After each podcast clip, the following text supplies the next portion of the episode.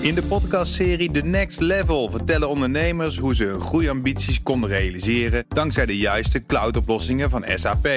Wat waren de uitdagingen, de oplossingen en hoe ging de uiteindelijke implementatie? Benieuwd naar hun verhalen en hoe zij met behulp van SAP ook hun toekomstige ambities kunnen behalen? Luister de podcast The Next Level via de BNR-app of je favoriete podcast-app. De column van Ben van der Burg. Nu ons samen zijn verwarrender lijkt te zijn dan we ooit hadden kunnen voorzien, onderstrepen ambtenaren dat met afkortingen. Daar gaan we. De AP, Autoriteit Persoonsgegevens, wil niet dat de WGS, de Wet Gegevensverwerking Samenwerksverbanden, wordt ingevoerd. De WGS regelt dat de volgende partijen gegevens met elkaar mogen uitwisselen: het FEC, Financieel Expertisecentrum, de ICOF, de Infobox Crimineel en Onverklaarbaar Vermogen, de RIEX, de Regionale Informatie- en Expertisecentra en de ZVH's, de Zorg- en de Veiligheidshuizen. Ja, je bent dan toch totaal de weg kwijt. Oké, we doen het even zonder afkortingen. De autoriteit persoonsgegevens wil niet dat de Eerste Kamer instemt met een nieuwe datakoppelingswet tussen vele instanties. De WGS werd vorig jaar door de Tweede Kamer goedgekeurd. Volgens de AP, Autoriteit Persoonsgegevens, loop je met deze wet een groot risico weer te belanden in een zaak als de toeslagenaffaire.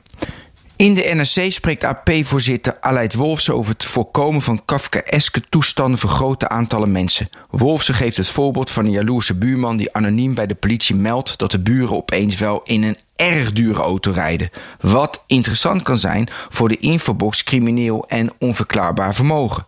Door zo'n anonieme melding kan iemand zomaar geen hypotheek meer krijgen. De autobezitter belandt op een lijst waar hij geen weet van heeft, waar hij niet vanaf komt. Een soortgelijke onwenselijke situatie kwam een paar weken geleden naar boven toen bleek dat 250.000 burgers bij de Belastingdienst op de fraude signaleringvoorziening FSV lijst stonden. Ik zag een wanhopige ondernemer die niet snapte dat hij jarenlang geen betalingsregeling kon treffen. Hij bleek namelijk op de FSV-lijst te zijn beland. Het lijkt in theorie te mooi om waar te zijn. We hebben vele instanties en organisaties waarin allerlei data van burgers is opgeslagen. Deze databases koppelen met elkaar en we hebben een walhalla gecreëerd voor fraude en criminaliteitbestrijders onder ons. De praktijk is weer barstiger. De data zijn niet altijd betrouwbaar en accuraat. Controles uitvoeren en aanpassingen maken is bewerkbaar.